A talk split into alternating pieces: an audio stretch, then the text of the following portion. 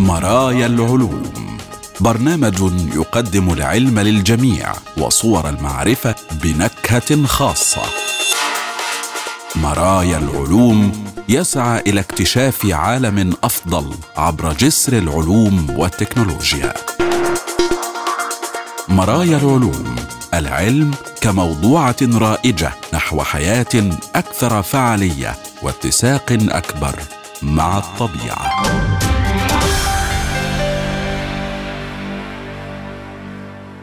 أهلا بكم وحلقة جديدة من برنامج مرايا العلوم حيث العلوم والحياة وصور المعرفة وتردداتها بلا حدود والسعي نحو غد أفضل يتسع للجميع ويفتح ذراعيه لعقول السلام.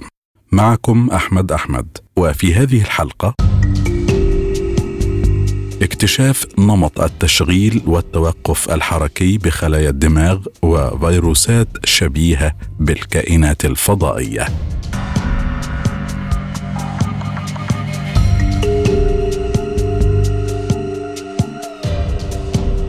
البداية نشرة العلوم. كشفت دراسة أن خلايا عصبية معينة في الدماغ يمكنها إيقاف جميع أشكال حركات الجسم تماما. اكتشف فريق من الباحثين سلوكا للخلايا العصبية يضيف رؤية جديدة لمعرفتنا فيما يتعلق بآلية الدماغ عندما يتوقف الشخص عن الحركة.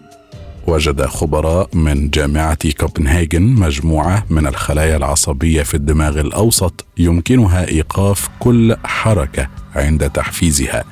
هذه الحركات لا تشير فقط إلى المشي ولكن إلى جميع أشكال النشاط الحركي. في تجربة إكلينيكية على الفئران تمكن فريق البحث من إيقاف تنفس الحيوانات أو تحفيزها على التنفس بشكل أبطأ وإبطاء معدل ضربات قلبها. هنالك طرق مختلفة لوقف حركة الجسم. وفقا للبروفيسور أوليكين المؤلف المشارك للدراسة فإن ما يجعل الخلايا العصبية المكتشفة مميزة هو قدرتها على إيقاف الحركة مؤقتا أو تجميدها بمجرد تنشيطها. تشبه الآلية فيلما تم إيقافه مؤقتا حيث تتوقف بالفعل حركة الممثلين فجأة وعلى الفور. عندما أنهى العلماء التنشيط على الخلايا العصبية بدأت الفئران حركتها تماما حيث توقفت مثل الضغط على زر التشغيل مرة أخرى. ويعتبر نمط التوقف والتشغيل فريدا من حيث أنه لا يشبه أي شيء رأوه من قبل. كما أنه لا يشبه الأنواع الأخرى من الحركة أو النشاط الحركي التي حققها علماء من جامعة كوبنهاجن أو أي فريق بحث آخر. كما وصفها المؤلف الرئيسي هيزياكوني إيرو فإن الحركة التي اكتشفوها لا تبدأ بالضرورة من حيث توقفت ولكنها قد تبدأ مرة أخرى بنمط جديد. تقع الخلايا العصبية التي تم تحفيزها من قبل فريق البحث في منطقة من الدماغ تسمى نواة pedunculopontine PPN وهي تختلف أيضا عن الخلايا العصبية الأخرى في الدماغ الأوسط لأنها تعبر عن علامة جزيئية معينة تعرف باسم CHX10 يوجد بي بي إن بشكل شائع في جميع الفقاريات بما في ذلك البشر. هذا يعني أنه على الرغم من إجراء التجربة على الفئران إلا أن الباحثين واثقون من إمكانية تطبيق هذه الظاهرة أيضا على البشر. يعرف بعض الناس ظاهرة التجميد التي يسببها الخوف الشديد. قد يقترح البعض الآخر أن الخلايا العصبية المشاركه في هذه الدراسة يتم تنشيطها من خلال الخوف لكن هذا ليس هو الحال. يعتقد جينو إيرو وزملائه أن هذا السلوك يعبر عن الاهتمام المركز ومع ذلك أوضحوا أن أبحاثهم لم تؤكد ما إذا كان هذا هو الحال لذا يلزم إجراء المزيد من التجارب. وتلقي نتيجة هذه الدراسة الضوء أيضا على فهم بعض آليات مرض باركنسون. نظرا لأنه يركز على الآليات الأساسية المشاركة في التحكم في الحركة في الجهاز العصبي فقد سمح للباحثين باستخدام علم البصريات الوراثي في تحفيز الخلايا العصبية الموجودة في جذع الدماغ. اذا كيف تعمل الخلايا العصبية في الأصل؟ الخلايا العصبية والتي تسمى أيضا العصبونات هي الوحدات الأساسية للدماغ والوحدات الأساسية للجهاز العصبي والتي ترسل رسائل في جميع أنحاء جسم الإنسان. تستخدم إشارات كهربائية وكيميائية للمساعدة في تنسيق جميع وظائف الحياة المهمة. كل خلية عصبية متصلة بألف خلية عصبية أخرى ما يجعل منها شبكة اتصالات معقدة.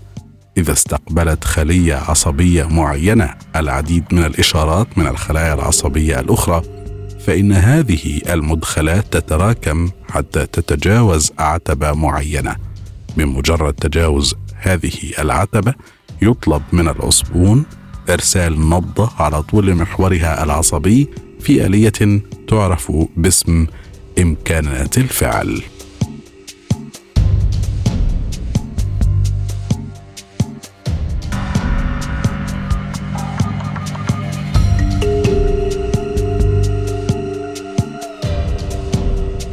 فيروسات عملاقة ذات زوائد غريبة المظهر تم اكتشاف الهياكل الداخلية لها في تربة الغابات. وسط كمية صغيرة من تربة الغابات اكتشف العلماء اكتشافا رائعا بالعثور على مجموعة متنوعة من الفيروسات العملاقة من ذوات الأشكال الفريدة وغير المألوفة. تعرض هذه الفيروسات ميزات تشبه الكائنات الفضائية بما في ذلك الزوائد غير العادية والهياكل الداخلية التي لم ترى من قبل. ويشير اكتشاف الفيروسات العملاقة من تربة غابات ماساتشوستس إلى أن هذه المجموعة من الطفيليات الكبيرة نسبيا تمتلك تنوعا بيئيا وأهمية تطورية أكبر مما فهمه الباحثون سابقا. ولكن ما هي الفيروسات العملاقة؟ تنتمي الفيروسات العملاقة إلى مجموعة تسمى فيروسات الحمض النووي الكبيرة NCLDV والتي تختلف عن عائلات الفيروسات القياسية من حيث الحجم والبنية وطول الجينوم والتعقيد. تتكون عائلة nucleocytoplasmic أو NCLDV الأصلية من أربعة من العائلات الفيروسية. تتكون هذه العائلات من فيروسات ذات جينومات كبيرة من الحمض النووي مزدوج الشريطة. تتكاثر بالكامل داخل السيتوبلازم المضيف ويعتقد أن لها أصلا تطوريا مشتركا ما يجعلها مجموعة أحادية النمط. الفيروسات العملاقة لها أحجام مماثلة لبكتيريا معينة يتجاوز قطرها 2 مايكرومتر كما أن جينوماتها كبيرة بشكل استثنائي وهي أكبر من تلك الموجودة في الكائنات الحية الأكثر تعقيدا. وفي حين ركزت الأبحاث السابقة بشكل أساسي على فيروسات المياه العذبة العملاقة في الطحالب والأميبا التي تصيب فيروسات ميميفا كشف تسلسل الحمض النووي الحديث عن تنوع كبير في الفيروسات العملاقة في بيئات أخرى لا سيما في الرواسب والتربة. تشير التقديرات إلى أن هذه البيئات الأرضية تستضيف حوالي 97% من جميع الجسيمات الفيروسية على الأرض. وقدم التسلسل الجيني لعينات التربة من غابة هارفارد دليلا على وجود فيروسات عملاقة عديدة وفريدة من نوعها تزدهر في هذه التربة تم جمع عينة التربة من غابة هارفارد بالقرب من بوسطن وإرسالها إلى معهد ماكس بلانك في ألمانيا في عام 2019 لفحصها باستخدام المجهر الإلكتروني للإرسال. كشفت الدراسة التي تحمل عنوان التنوع البنيوي المذهل للجسيمات الشبيهة بالفيروسات العملاقة في تربة الغابات عن وفرة غنية من الفيروسات العملاقة. يصل عرضها إلى 635 نانومترا وهي أصغر من أكبر فيروس معروف ولكنها أكبر بكثير من فيروسات نموذجية يصادفها الإنسان مثل كوفيد 19 والذي يتراوح بين 50 إلى 140 نانومترا. أعرب الباحثون عن ثقتهم الكبيرة في أن هذه الهياكل كانت فيروسات بسبب أشكال القفيصة أو الكبسد المميزة ما يعرض تنوعا مذهلا من الجزيئات الشبيهة بالفيروسات التي تجاوزت جميع الفيروسات العملاقة المعزولة سابقا مجتمعة. وفيما يلي بعض الفيروسات العملاقة التي اكتشفوها في تربة الغابة.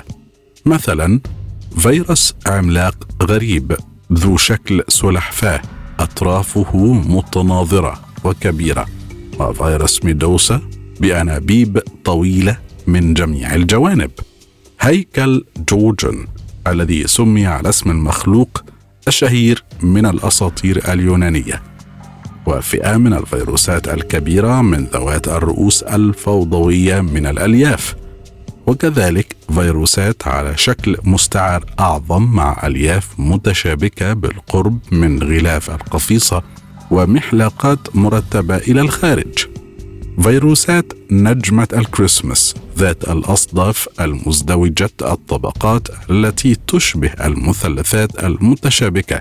وأيضا فيروسات falcon ذات البنية الشبيهة بالمنقار. ويسلط عالم الأحياء الدقيقة ماتياس فيشر وعالم الميكروسكوب الإلكتروني أولريك ميرسدورف الضوء على أن اكتشاف هياكل الجسيمات المتنوعة والفريدة من نوعها بين فيروسات التربة يؤكد طبيعتها المعقدة وتنوعها الجيني. على الرغم من هذه الرؤية البديعة هناك حاجة ماسة إلى الكثير من البحث لكشف أصول ووظائف هذه الكيانات المدهشة.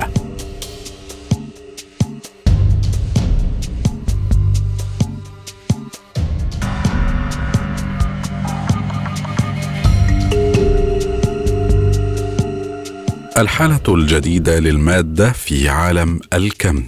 إليك ما نحتاج لمعرفته حول مرحلة أو حالة سائل chiral Bose أو chiral Bose liquid معظمنا على دراية بحالات المادة الحالية. في ظل الظروف العادية يمكن أن تكون المادة إما صلبة أو سائلة أو غازية. مع تجاوز المواقف العادية يمكن أن تبدو الأشياء مختلفة تماما حيث تقترب درجات الحرارة من الصفر المطلق.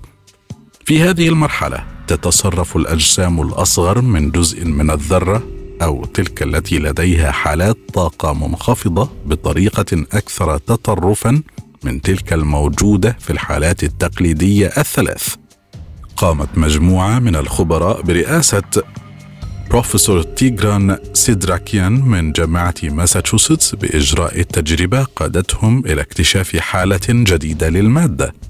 لقد طوروا بالفعل آلة تثبيط على شكل جهاز ثنائي الطبقة بأشباه الموصلات يحتوي على طبقة عليا غنية بالإلكترون حيث يمكن خلالها للإلكترونات أن تتحرك بحرية بينما الطبقة السفلية مليئة بالثقوب التي يمكن أن تشغلها الإلكترونات المتجولة. يتم وضع هاتين الطبقتين بالقرب من بعضهما البعض بدرجة تعرف باسم القرب بين الذرات. من المتوقع أن تعمل الجسيمات بطريقة مترابطة إذا كان هنالك عدد متساو من الإلكترونات في الطبقة العليا والثقوب في الطبقة السفلية. في هذه التجربة قرر سيدراكيان وفريقه تصميم الطبقة السفلية بحيث يؤدي عدد الإلكترونات والثقوب في الطبقة السفلية إلى اختلال توازن موضعي. يهدف هذا إلى إحباط وتثبيط الإلكترونات لأنها تتدافع للبحث عن ثقوب تمر من خلالها. يؤدي مستوى الإحباط أو التثبيط أو الاضطراب الناتج إلى ظهور حالة الحافة غير المتجانسة الجديدة التي وجد أن لها خصائص غير عادية. على سبيل المثال فإن تبريد المادة الكمومية في حالة كايرل هذه إلى درجة الصفر المطلق سيؤدي إلى تجميد الإلكترونات بطريقة يمكن التنبؤ بها. سوف تدور الجسيمات المحايدة الشحنة الناشئة في هذه الحالة إما في اتجاه عقارب الساعة أو عكس اتجاه عقارب الساعة. ولا يمكن أن يؤدي كسر جسيم آخر إلى أحد هذه الإلكترونات أو حتى إدخال مجال مغناطيسي إلى تغيير هذا الدوران. ظلت حالة السائل البوز اللولبي مخفية لفترة طويلة لأنه من الصعب ملاحظتها ولمواجهة هذا التحدي أجريت دراسة أخرى من قبل مجموعة من الخبراء من جامعة نانجينغ وجامعة بكين والتي تضم مجموعة من الفيزيائيين النظريين. يشمل بحثهم تصميم نظرية وتجربة تستخدم مجالا مغناطيسيا قويا للغاية لديه القدرة على قياس حركات الإلكترونات أثناء البحث عن الثقوب الخاصة بها. لقد وجد أن كل من الإلكترونات والثقوب تتحرك بنفس السرعات على حافة طبقة ثنائية لأشباه الموصلات يؤدي هذا إلى حدوث نقل مغزلي يشبه اللولب يمكن التحكم فيه بواسطة المجالات المغناطيسيه الخارجية. حيث يتم فصل الإلكترون والثقوب تحت الحقول الأعلى وكشفت نتيجة تجربتهم عن أول دليل على وجود سائل بوز كايرل وأطلق عليه الباحثون اسم النظام الطوبولوجي ما هو اذا نظام الكم المثبط أو المضطرب؟ في عالم الكم يقال إن مصطلحي تفاعل أو أكثر يتعارضان مع بعضهما البعض في نظام مادي ما مثبطان في الأنظمة المحبطة أو المثبطة عادة ما تتشكل درجات جديدة من الحرية نتيجة لتقليل الصراع الموضعي.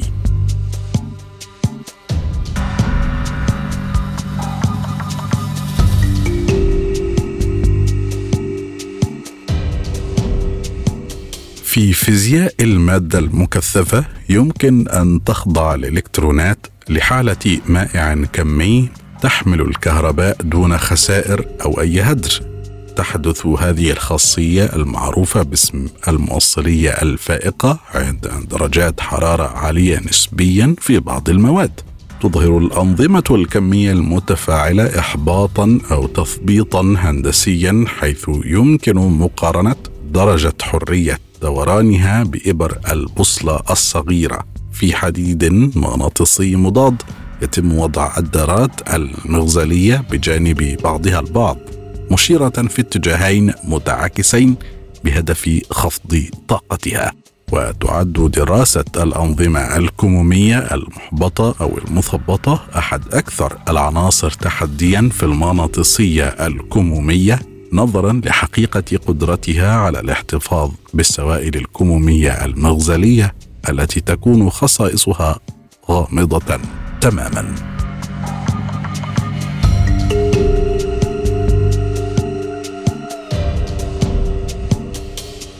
ماذا حدث لبلوتو؟ لماذا لم يعد كوكبا؟ بل أصبح عالما. في الثامن عشر من فبراير شباط من عام 1930 اكتشف كلايد تومبو بلوتو في مرصد لويل فلاغستاف أريزونا. لعدة عقود كان الكوكب الأبعد عن الشمس يعتبر منذ فترة طويلة الكوكب التاسع في نظامنا الشمسي حتى تم تخفيض وضعه إلى كوكب قزم. يقع بلوتو في حزام كايبر وهي منطقة تقع خارج مدار نبتون وتحتوي على مئات الآلاف من الأجسام الصخرية الجليدية.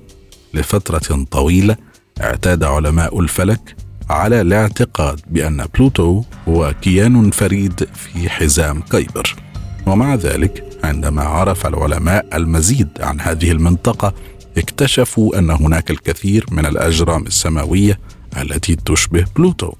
في الرابع والعشرين من أغسطس آب من عام 2006 تم تخفيض رتبة بلوتو من قبل الاتحاد الفلكي الدولي IAU خلال جمعيتهم العامة في براغ جمهورية التشيك. قبل القرار لم يكن لمصطلح كوكب تعريف عملي. وكان يعتمد فقط على الاكتشافات المهمة في الفضاء الخارجي. مع العثور على أجسام جديدة في حزام كايبر أصبح من الضروري للخبراء إعادة النظر في تعريف الكوكب. على سبيل المثال تم العثور على كائن أو جرم يسمى UB 313 2003 أو يسمى إيرس كذلك وجدوه في أطراف حزام كايبر. هذا الكائن أصغر قليلا من بلوتو.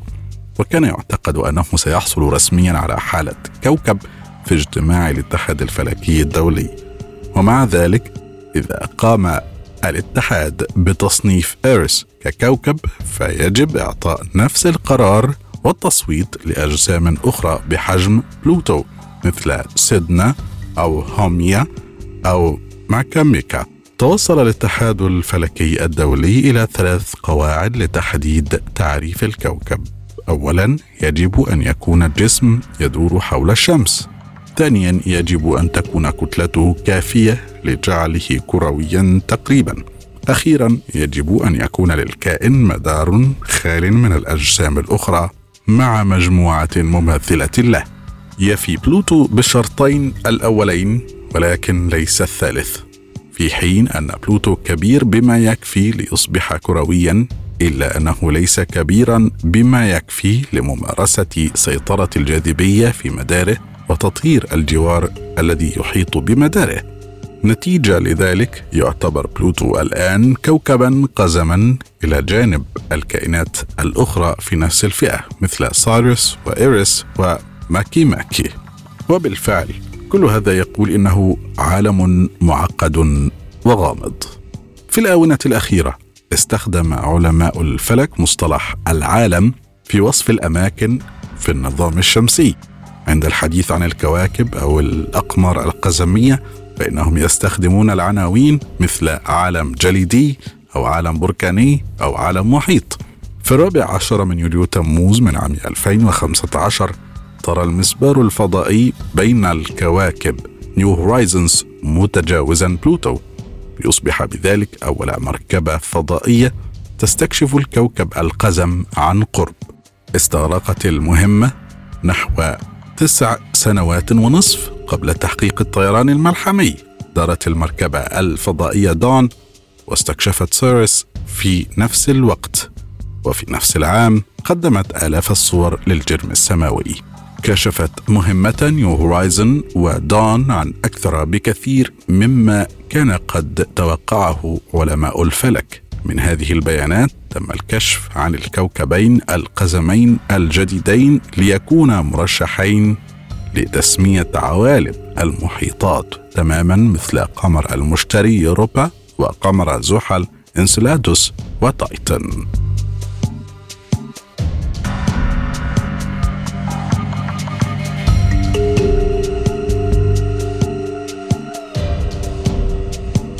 قد لا تكون النظرية الرائدة للنواة دقيقة حقا.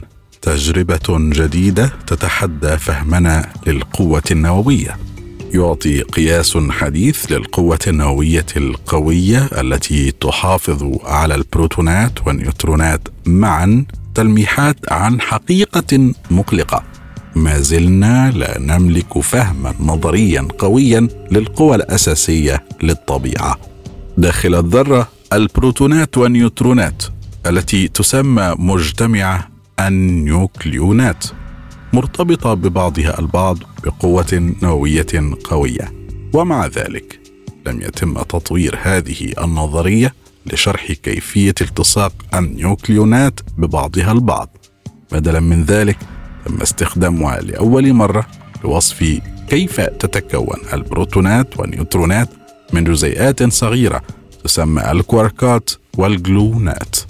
لسنوات عديدة فشل الفيزيائيون في استخدام القوة القوية لفهم العلاقة بين البروتونات والنيوترونات وتتمتع العناصر القوية بطبيعة غريبة. تتمثل في النمو بشكل أقوى مع زيادة المسافة بدلا من الموت. ببطء لهذا السبب يمنع الخبراء من استخدام طرق الحساب المعتادة.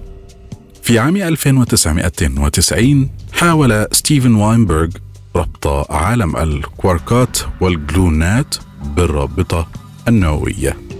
قدم نظرية الفعالية اللولبية التي تعتبر أفضل نظرية متاحة في حساب القوى التي تحكم سلوك النواه استخدمت الفيزيائية النظرية سونيا باكا نظرية المجال الفعال هذه للتنبؤ بمدى انتفاخ وامتلاء نواة الهيليوم المثارة واكتشفت تباينا كبيرا بعد مقارنة حساباتها بالتجارب التي كانت قد أجريت في السبعينيات والثمانينيات من القرن العشرين.